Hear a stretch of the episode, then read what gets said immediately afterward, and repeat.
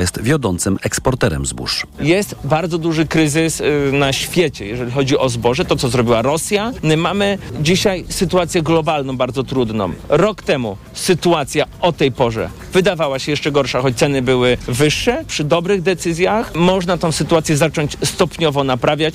Na razie jednak rząd zapowiada jedynie dopłaty do zbóż i uruchomienie skupu ziarna.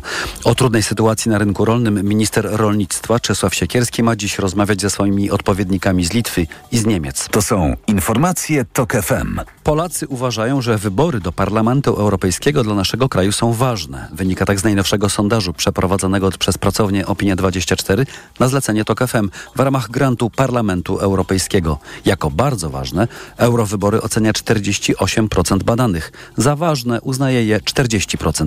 Tylko 9% respondentów nie przywiązuje wagi do wyboru polskich eurodeputowanych. Więcej o sondażu wie Maciej Kluczka. Wybory do Parlamentu Europejskiego odbędą się 9 czerwca. Na największe poparcie może liczyć w nich Koalicja Obywatelska, na którą głos oddać chce 31% badanych. Drugie jest Prawo i Sprawiedliwość z wynikiem 22%. To samo poparcie 11% w sondażu uzyskały Trzecia Droga, a więc Koalicja Polskiej 2050 i PSL-u oraz Lewica. Tuż za nimi jest Konfederacja. Według sondażu w eurowyborach może liczyć na 10% poparcia. Na pytanie, czy weźmiesz udział w głosowaniu do Parlamentu Europejskiego, 54% ankietowanych odpowiedziało, że zdecydowanie tak. 27% że raczej tak. Maciej Kluczka, TOK FM. Rozmowa o sondażu tuż po informacjach w TOK FM. Gościem Anny Piekutowskiej będzie eurodeputowany Włodzimierz Cimoszewicz. Przed warszawskim ratuszem trwa protest kupców Centrum Handlowego przy Marywilskiej na Żeraniu. Protestujący domagają się obniżenia horrendalnych, jak mówią, czynszów za lokale. Stawki za 30-metrowy boks sięgają tam nawet 9 tysięcy złotych. Sprawą zajął się Cezary Jaszczyk. Protestujący kupcy mają za sobą długi szlak bojowy w obronie swoich biznesów. Część z nich zaczynała jeszcze na słynnym stadionie dziesięciolecia. Później trafili na plac defilat, skąd musieli wynieść się na Marywilską. Większość protestujących to Wietnamczycy. Jak mówi ich rzeczniczka, jedna z handlujących, Danuta Sornat-Kot, jeśli miasto nie pomoże w mediacjach z zarządcą, kupcy znowu wrócą do centrum Warszawy. Czyli to, czego miasto najbardziej się boi. Jeżeli będziemy zmuszeni, rozłożymy się na placu defilat z naszymi starymi stadionowymi łóżkami i będziemy tam po prostu sprzedawać. Jeżeli miasto no nie ma już żadnego, żadnego miejsca, nawet na brzeg Warszawy, to wróćmy pod ten pałac. W ratuszu rozpoczęły się dziś negocjacje zarządcy obiektu z kupcami. Ci drudzy obawiają się, że podwyżka czynszów to celowa taktyka, która w przyszłości ma udostępnić teren deweloperom. Cezary Jaszczyk, TOK FM. Kolejne informacje już o 12.20, teraz prognoza pogody. Pogoda. Dziś zachmurzenie umiarkowane i duże od Dolnego Śląska po Podkarpacie. Po południu wystąpią słabe opady deszczu. Wysoko w Tatrach może padać śnieg. Na termometrach 11 stopni w Białymstoku, 13 w Szczecinie, Trójmieście i Warszawie, 15 w Krakowie, Katowicach i Wrocławiu. Radio TOK FM. Pierwsze radio informacyjne. Popołudnie Radia TOK FM. Anna Piekutowska, zaczynamy popołudnie Radia Tok FM. Jest 12.06, a moim pierwszym gościem jest Włodzimierz Cimoszewicz, poseł do Parlamentu Europejskiego, były premier i minister spraw zagranicznych. Dzień dobry. Dzień dobry, kłaniam się. Panie premierze, dzisiaj publikujemy pierwszą odsłonę naszego sondażu europejskiego, który został przygotowany przez Opinia24 na zlecenie TOK FM w ramach grantu Parlamentu Europejskiego. No i zadaliśmy trzy pytania respondentom. I pierwsze z nich dotyczy frekwencji. Na wybory do Europarlamentu zdecydowanie wybiera się 54% badanych, a 27% raczej się wybiera. No bardzo dużo optymizmu widzę tutaj u wyborców, bo rekordowa frekwencja zresztą sprzed czterech lat to było trochę poniżej 46%. Czy pan podziela ten optymizm? Proszę pani, e, jestem mile zaskoczony tymi wynikami sondażu. Ja pamiętam, że 15 lat temu frekwencja wyborcza wynosiła około 20% w tych eurowyborach w naszym kraju.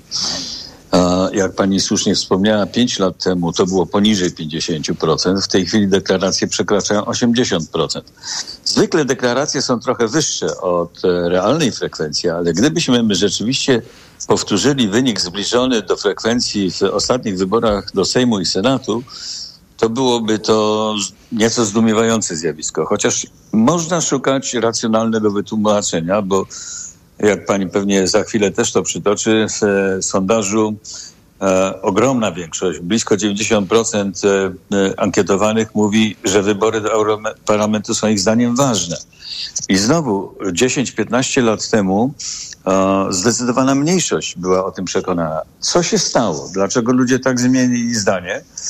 W ostatniej kadencji, jak wiemy, Europarlament zajmował się wyjątkowo często sprawami Polski i takimi problemami występ, występującymi w Europie, które dotyczą także Polski. Więc z jednej strony to były te wszystkie naruszenia praworządności, e, standardów demokratycznych, no ale z drugiej strony zagrożenia bezpieczeństwa Europy ze względu na wojnę w Ukrainie prowadzoną przez Rosję. A to przecież nas w bardzo dużym stopniu dotyczy. I ludzie to obserwowali. Ludzie widzą, że jest w Europie taka instytucja, która niezwykle aktywnie zajmuje się tym, co jest ważne. Więc myślę, że to tłumaczy wzrost zainteresowania i uznania znaczenia tych wyborów. Tak, ja też myślę, że jesteśmy w takim momencie, mam tutaj na myśli również między innymi protesty rolnicze, że widzimy, jak bardzo Unia Europejska ma wpływ na nasze życie pozytywny lub negatywny, ale w każdym razie ma, ale że jednak te 20 lat po wejściu do Unii Europejskiej to jest mocna deklaracja.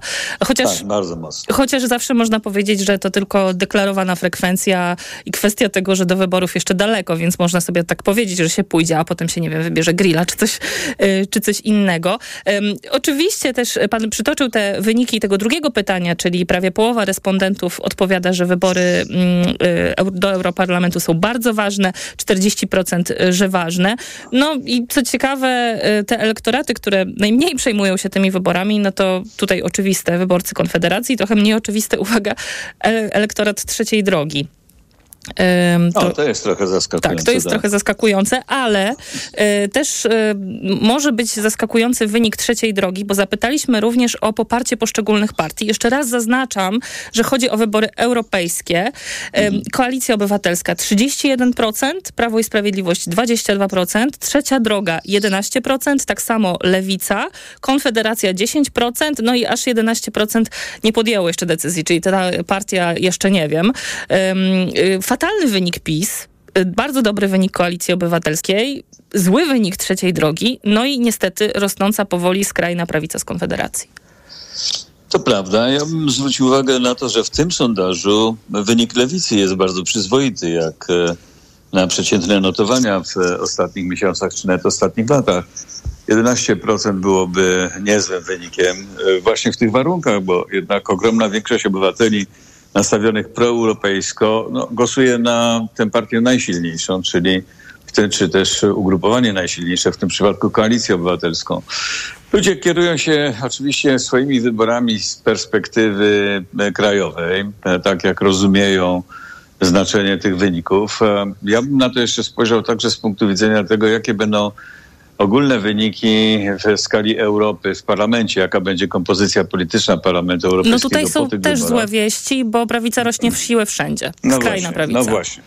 E, niedawno robiony sondaż, e, taki obejmujący chyba co najmniej 14 krajów członkowskich, e, robiony przez Europejską Radę Stosunków Międzynarodowych, wskazywał, że prawdopodobnie e, skrajna prawica wzmocni się i dzisiejsza przewaga ugrupowań ewidentnie proeuropejskich, więc Partia Ludowa, Renew, socjaldemokraci i zieloni, wynosząca mniej więcej 60 do 40, może się zmniejszyć o kilka punktów procentowych. No to znaczy, że wtedy może być 50 kilka przeciwko 40 kilka. Wie pani, ja często e, uczestnicząc w tych e, tysiącach głosowań w Parlamencie Europejskim widzę takie sytuacje, kiedy głosują pojedyncze, decydują pojedyncze głosy, więc e, takich sytuacji może być w przyszłości więcej. Niestety z niekorzyścią dla no, tak proeuropejsko rozumianych potrzeb, interesów państw członkowskich. E, tak, na przykład wczoraj rozmawiałam o dyrektywie dotyczącej pracy platformowej, która została zamrożona e, na razie, pracę nad nią i też jakby rozmawiałyśmy o tym razem z Olgą Gitkiewicz, że jeśli się spełnią przewidywania, to znaczy ten nasz kolejny Europarlament będzie jeszcze bardziej konserwatywny niż ten, który, który jest teraz, no to, to w ogóle z tą dyrektywą będziemy mogli się pożegnać. E, panie premierze, a o czym Pana zdaniem będzie ta kampania do Euro, Europarlamentu? Czy już można powiedzieć, co będzie takim głównym tematem? Bo na razie na pierwszy plan, słuchając na przykład Ursuli von der Leyen, wysuwają się kwestie związane z obronnością. Proszę pani, w jakim stopniu to będzie e, zależało oczywiście od e, tego, w jakim, o, w jakim kraju, o jakim kraju myślimy czy mówimy, bo trochę się te kampanie będą różniły, tematyka kampanii. E, myślę, że w bardzo dużej części Europy, w takiej części sięgającej na pewno Niemiec, e, w jakimś stopniu Francji, kwestie bezpieczeństwa będą uznawane za, za istotne, za ważne. Na pewno nie zniknie problem migracji e, i to kraje południa, Hiszpania, Portugalia, Włochy, Grecja, dla nich to jest szalenie ważne i o tym będzie mowa. Zwłaszcza, że w, w obu tych przypadkach i polityki bezpieczeństwa i polityki migracyjnej Unia Europejska dopiero wypracowuje jakieś takie kompleksowe koncepcje. W przypadku polityki bezpieczeństwa niby parę lat temu, dwa lata temu przyjęto tak zwany strategiczny kompas, czyli taką e, właśnie strategiczną koncepcję polityki bezpieczeństwa, ale dzisiaj już nie ma wątpliwości, że trzeba dokonać ogromnych zmian, bo e, agresja Rosji na Ukrainę zmieniła e, perspektywę patrzenia na te, na te kwestie, ujawniła nowe potrzeby europejskie i tak dalej. Więc te kwestie na pewno będą obecne. No i ze względu na radykalizm tych protestów rolniczych, No właśnie. Ta tematyka też może wrócić. Chociaż wie pani, e, z jednej strony oczywiście ona może wrócić, bo e, znowu w różnych krajach rolnicy e, zwracają uwagę na, na różne kwestie w polityce europejskiej.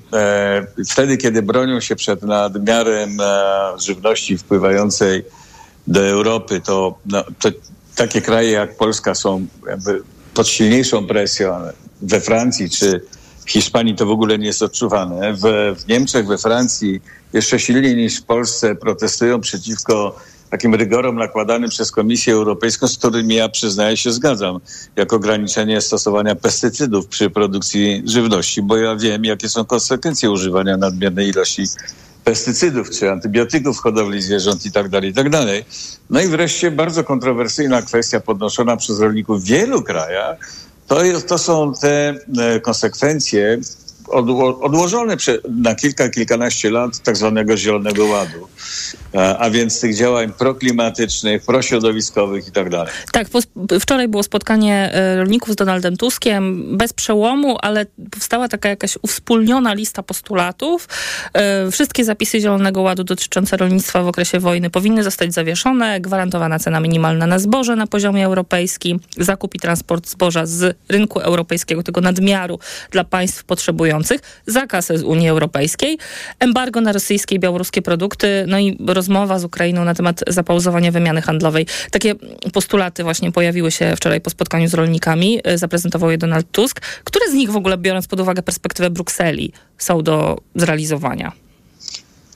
Proszę pani, w mniejszym lub większym stopniu e, wszystkie, e, chociaż wydaje mi się, że najsłuszniejszym posunięciem byłoby rzeczywiście dofinansowanie przez Unię Europejską operacji polegającej na usunięciu nadmiaru zboża w Europie, tak żeby ono się znalazło w tych częściach świata, gdzie jest rzeczywiście bardzo potrzebne, bo ludzie głodują, żeby rynek nie był przesycony e, za te 4, 5, 6 miesięcy, kiedy rozpoczną się żniwa. One się będą oczywiście rozpoczynały w różnych częściach Europy w różnym e, czasie. No ja się Natomiast, obawiam, e, że to nie wystarczy polskim rolnikom. Natomiast wie pani, e, no ja, ja wiem, proszę pani, polityką zajmuję się 35 lat i nie przypominam sobie e, takich czasów, kiedy rolnicy nie domagali się więcej. E, przy całym respekcie dla tego zawodu, sam byłem rolnikiem przez szereg lat, to jest jednak wyjątkowo roszczeniowa grupa społeczno-zawodowa, której nawiasem mówiąc po, powodzi się w Polsce w tej chwili bardzo dobrze. Wystarczy zapoznać się z wynikami spisu powszechnego pokazującymi, w jakich warunkach ludzie żyją. No ale też pokazują te dane, że im się pogorszyły jednak warunki funkcjonowania przez te ostatnie lata.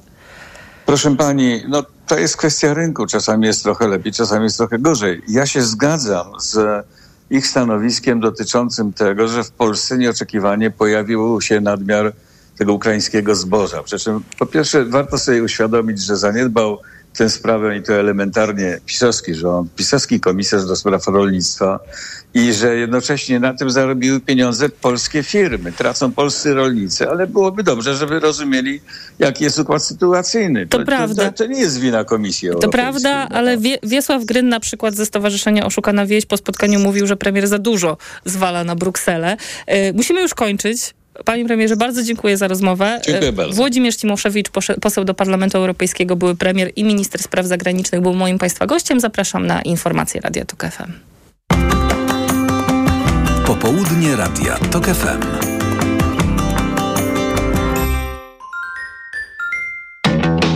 Skołowani. Bez tragedii na drodze. W każdą sobotę po 15. Zaprasza Krzysztof Woźniak.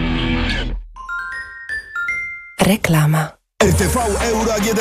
Uwaga! Tylko do wtorku. Euro Super Days. A w nich 50 zł za każde wydane 500. Zyskaj kod rabatowy na kolejne zakupy. A dodatkowo bestsellery w ekstra niskich cenach. Na przykład lodówka LG No Frost 2 metry wysokości. Najniższa cena z ostatnich 30 dni przed obniżką to 2999. Teraz za 2799 zł. Szczegóły i regulamin w sklepach i na euro.com.pl. Halo, e, Krysia? Czy ja znam promocję od jednej sztuki Waldi?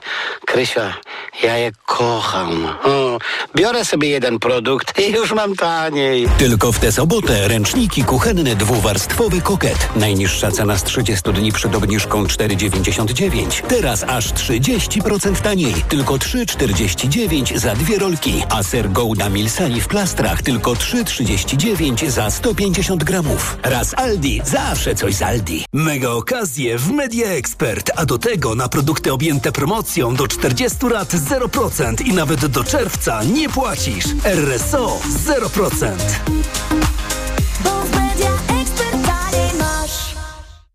Co za dzień. Co się stało? Rano kłótnia z Bartkiem, a zaraz czeka mnie prezentacja w pracy. Szkoda nerwów, działaj szybko. Weź Meliski. Meliski? Tak, suplement diety Meliski to mój ratunek w stresujących sytuacjach. Pastylki do ssania, które dzięki zawartości wyciągu z ziela melisy wspierają utrzymanie uczucia odprężenia. Czyli to takie pastylki antystresowe? Dokładnie. A ponieważ to pastylki, to szybko rozpuszczają się w ustach. Dzięki. Zawsze mogę na ciebie liczyć. Na mnie i na Meliski. Gdy stres bliski, weź Meliski. Teraz bez cukru. Aflofarm.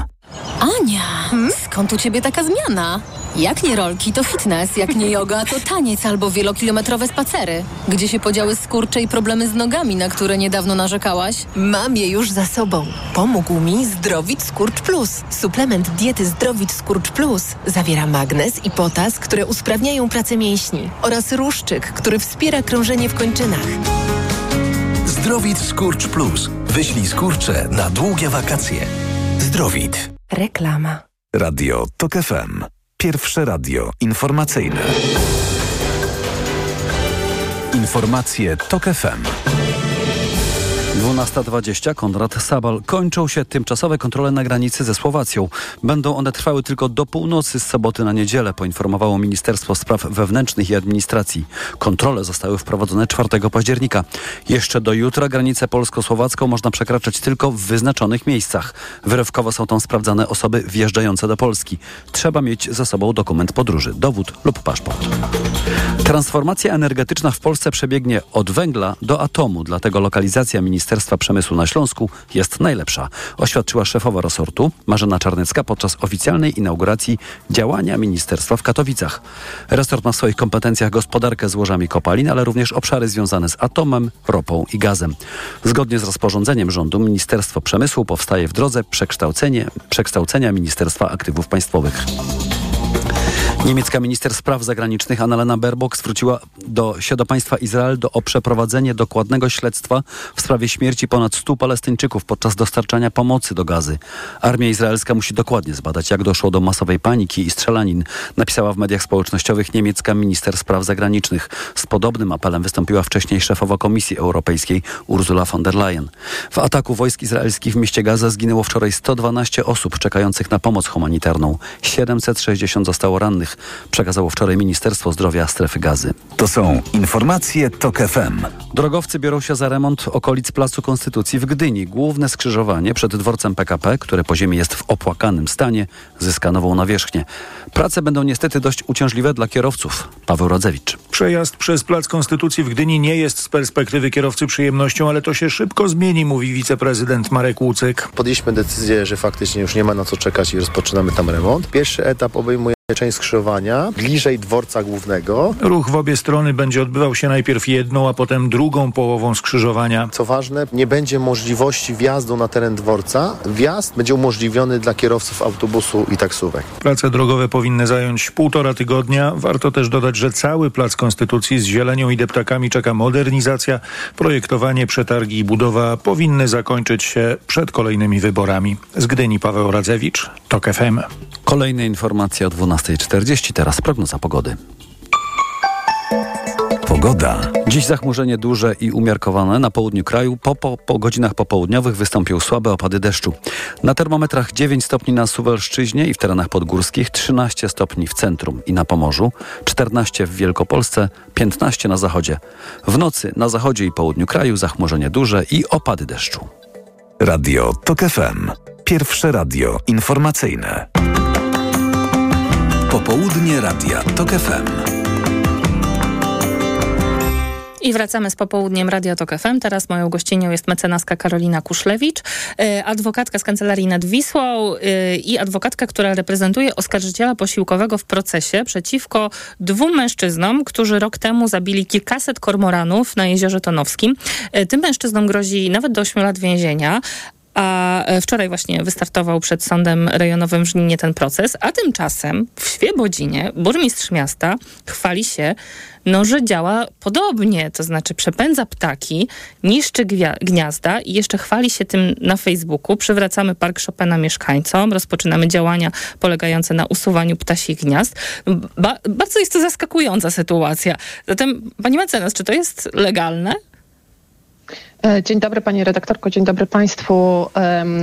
No jest to absolutnie bulwersująca sprawa, zarówno co do tej warstwy prawnej, jakby, jak i co do warstwy narracyjnej, bo tak jak Pani powiedziała, burmistrz Świebodzina, Pan e, Tomasz Sielecki jest po prostu absolutnie z, tym, z tego dumny, e, że przywraca rzekomo park mieszkańcom i będzie walczył z ptakami. I to walczył w jaki sposób, bo on mówi, że teraz w marcu, już od dzisiaj, rozpoczyna strącanie gniazd, a w kwietniu przepędzanie młodych z ich miejsc lęgowych i mówi, mam na to decyzję, zezwolenie regionalnego dyrektora ochrony środowiska. A ja no to pytam pana burmistrza trzykrotnie i ani razu nie udzielił odpowiedzi, czy w tym postępowaniu działały jakiekolwiek organizacje ochrony przyrody i ochrony ptaków, czy to postępowanie było tak poprowadzone, żadna organizacja się nie zorientowała, że ono jest prowadzone, w związku z tym nikt nie złożył odwołania od takiej decyzji, nie było tam opinii przyrodniczych od strony zwierzęcej i ptasiej i wszystko zostało po prostu w ramach burmistrza Irdosiu przeprowadzone, także nikt się nie zorientował i właśnie strącane są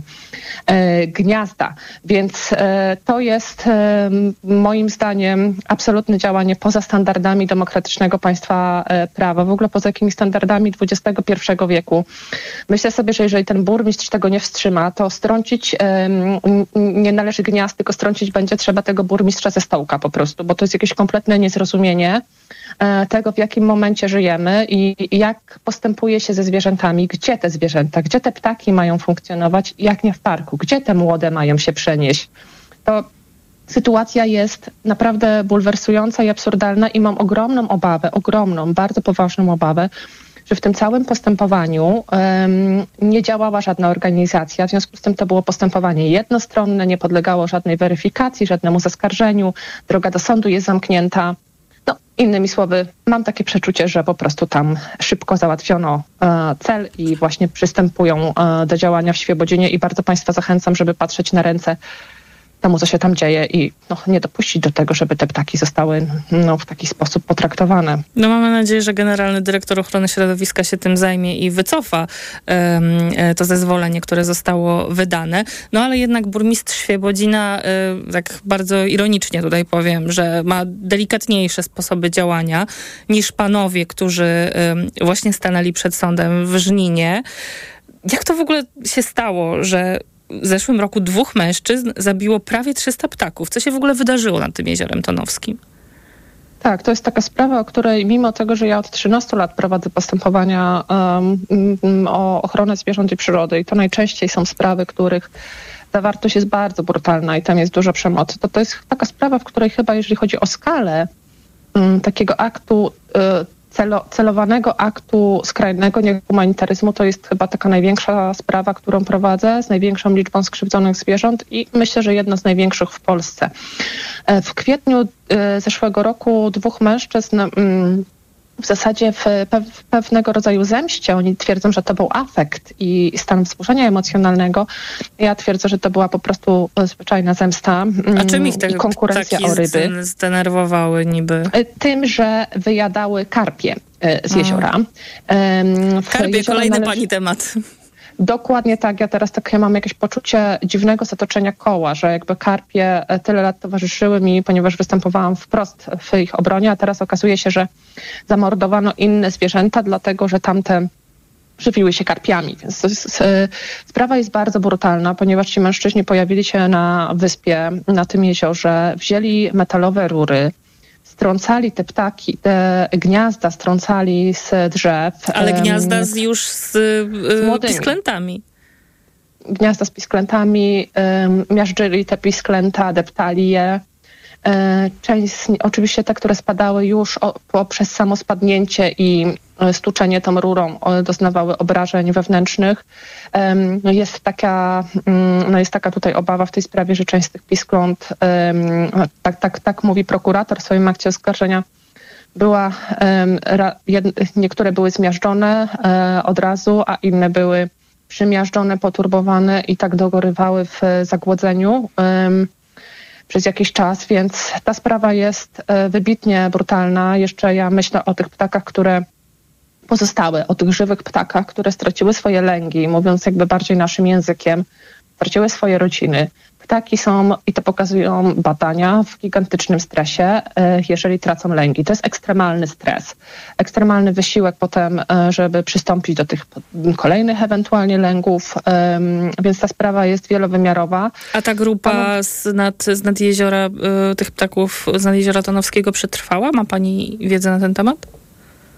To znaczy e, przetrwała ta, mm, e, przetrwała, przetrwały dorosłe osobniki, tak, które potem będą przystępować do kolejnych lęków, więc w jakim sensie e, oczywiście no to nie jest tak, że kormorany zostały stamtąd wytrzebione zupełnie, Mhm. natomiast ta populacja, która tam była, została skrajnie jakby nadwyrężona i doszło tutaj no nie tylko do tego aktu takiego niehumanitarnego, bardzo, ja uważam, że do, do naprawdę barbarzyńskiego, ale też do bardzo dużych zniszczeń w środowisku, dlatego ci oskarżeni mają postawiony szereg zarzutów. Kormorany są też pod ochroną. Tak, są pod ochroną gatunkową częściową, tak.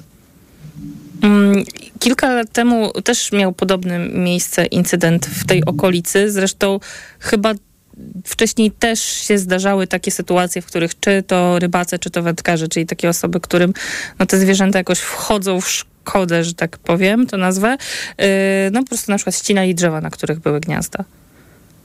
Dokładnie tak. E, Dlatego ja tutaj nie, e, nie daję wiary e, oskarżonym, którzy na wczorajszej rozprawie twierdzili, że to był właśnie afekt, działanie pod wpływem silnego wzburzenia. Oni Oczywiście chcą w ten sposób, ich linia obrony.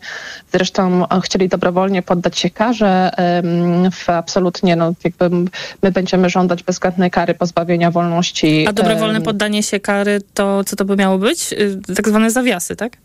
To by oznaczało, że jakby dogadujemy się już na pierwszej rozprawie Mhm. co do kary. E, W, w tych propozycjach, z którymi ja się zapoznawałam, to była propozycja e, warunkowego zawieszenia kary ze strony e, oskarżonych. No To jest coś, na co absolutnie się w tym procesie nie zgodzimy. Na szczęście prokurator bardzo jasno powiedział, że jego jakby próg minimum to jest rok i sześć miesięcy pozbawienia wolności, więc jakby do tego dobrowolnego poddania się karze nie doszło. Zresztą my byśmy się też sprzeciwili, sprzeciwili takiemu rozwiązaniu. I proces się będzie toczył. No tutaj panowie mają zarzuty zarówno z, właśnie z ustawy o ochronie zwierząt za działanie ze szczególnym okrucieństwem, za które grozi od trzech miesięcy do pięciu lat pozbawienia wolności, a także e, z przepisów kodeksu karnego za zniszczenia w znacznych rozmiarach w środowisku zwierzęcym i tu odpowiedzialność karna sięga nawet ośmiu lat pozbawienia wolności. No więc jakby te praktyki, one się oczywiście, tak jak pani e, e, ws- wskazała, pojawiały wcześniej. Oczywiście one są mm, nie, niezgodne z prawem i okrutne, ale są to praktyki, co do których ja nie wierzę, że ktoś działa w afekcie, ponieważ one są znamienne dla pewnych środowisk, które po prostu walczą w cudzysłowie o, o ryby z ptakami. Wiemy też przecież o takich sprawach, w których dochodziło na przykład do zatłuczenia fok pałkami, dlatego że no dokładnie z tych samych powodów, tak? Jako traktowania ich jako swoistej konkurencji. I z tym ta sprawa też jest o tym i, i dlatego ją też pokazujemy, bo y, mówimy dość y, takiemu traktowaniu e, bezbronnych, tych najmłodszych zwierząt. Przecież one nie miały żadnych szans z tymi pałkami. Tak samo te młode foki, jak i te młode ptaki. No to absolutnie nie może tak wyglądać. Do sprawy potraktowano poważnie. W ogóle, kiedy namierzono sprawców, to sąd zadecydował o tymczasowym aresztowaniu. Też to, że sprawa się toczy i prokuratura nie zgadza się na, e, na tę ugodę e, od razu, do, na dobrowolne poddanie się karze, to, e, to znaczy, że jakby w tej sytuacji sprawa została potraktowana poważnie, co nie zawsze jednak ma odzwierciedlenie, jeśli chodzi o prawa zwierząt w polskich sądach. Dokładnie tak. Ja się z tego bardzo cieszę, ponieważ te sprawy są niezwykle trudne do poprowadzenia i bez tego, bez takiego nastawienia organów ścigania na samym początku, że się do niej podchodzi naprawdę bardzo poważnie, no w zasadzie e, nie mamy szans, e, żeby ta sprawa została zabezpieczona dowodowo. My tutaj działamy ze Stowarzyszeniem Pracownia na Rzecz Wszystkich Istot w charakterze oskarżyciela posiłkowego. Sprawa została zresztą ujawniona dzięki organizacji społecznej e, Salamandra. I Czyli to nie jest tak, że złapano tych mężczyzn na gorącym uczynku. Nie, oni dopiero się e, tutaj gdzieś nam ukazali, jak to zostało no, podjęte przez osoby, które, e, które, które zaczęły znajdować te ptaki i, i miały informację, że tam doszło e, prawdopodobnie do takiej masakry. I bardzo często w tych sprawach jest tak, że właśnie organizacje zostają, czyli my jako ci oskarżyciele posiłkowi zostajemy trochę bez pomocy organów ścigania w e, sprawach zwierząt. Tutaj na szczęście mamy ewidentnie zaterminowaną prokuraturę i cieszę się z tego bardzo, bo w tej sprawie wydaje się, że państwo naprawdę odrabia solidnie swoją robotę, a my tylko towarzyszymy. Kiedy następna rozprawa? Następny termin rozprawy mamy 10 kwietnia. Będziemy śledzić, co się dzieje w sprawie kormoranów y, z nad jeziora. Bardzo i, i też zobaczymy, co, co dalej ze Świebodzinem. Bardzo dziękuję za rozmowę. Mecenas Karolina Kuszlewicz, adwokatka z Kancelarii nad Wisłą, była moją Państwa gościnią. Bardzo dziękuję. Ja Państwa zapraszam na informacje Radio Tok FM, a po nich wracamy z popołudniem. Popołudnie Radia Tok FM.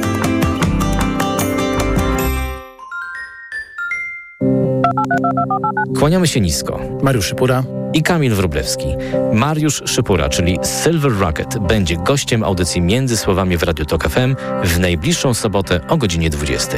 Będziemy rozmawiali o najnowszej płycie Silver Rocket Infinity Fidelity. O Dolby Atmos, jak się robi w Dolby Atmos oraz o wizualizacjach i o czterech płytach w jednej. W sumie tak, tak można by też powiedzieć. Do usłyszenia.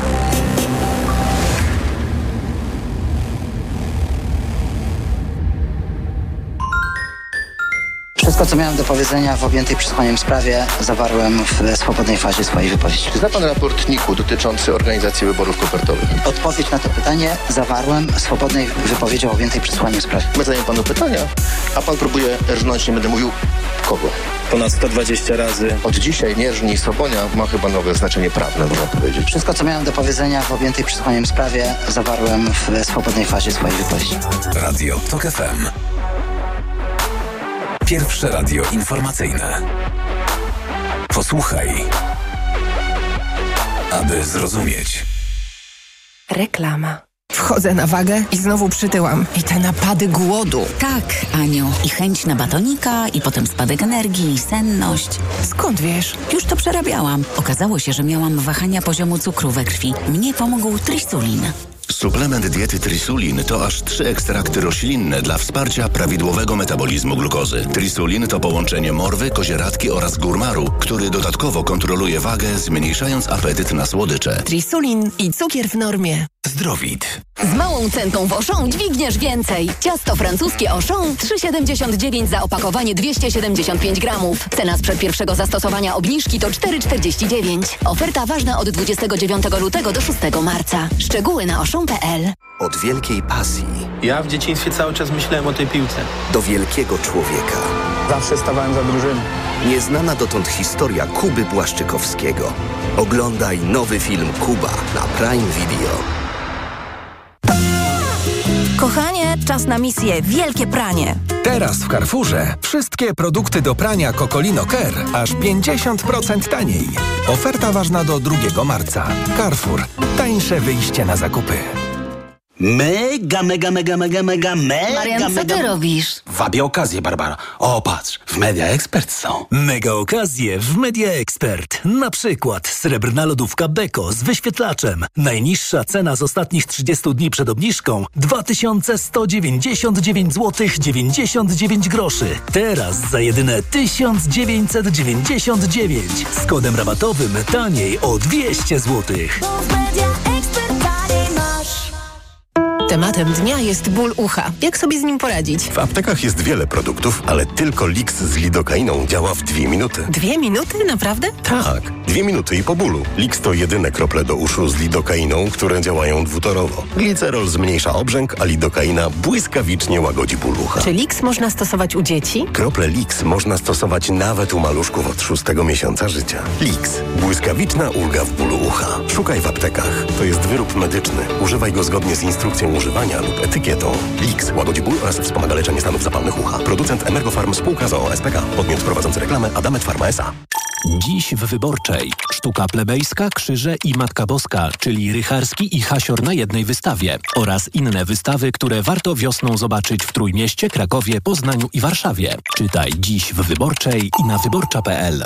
Kiedy mój Tadzio zaczyna chorować, nie czekam aż infekcja się rozwinie. Od razu sięgam po odpowiedni lek. Wybieram Lipomal. Syrop z wyciągiem z lipy przeznaczony do stosowania w pierwszej fazie infekcji. Lipomal to sprawdzone rozwiązanie, które wspomaga w stanach gorączkowych, przeziębieniu i kaszlu. Syrop 97 mg na 5 ml. Wyciąg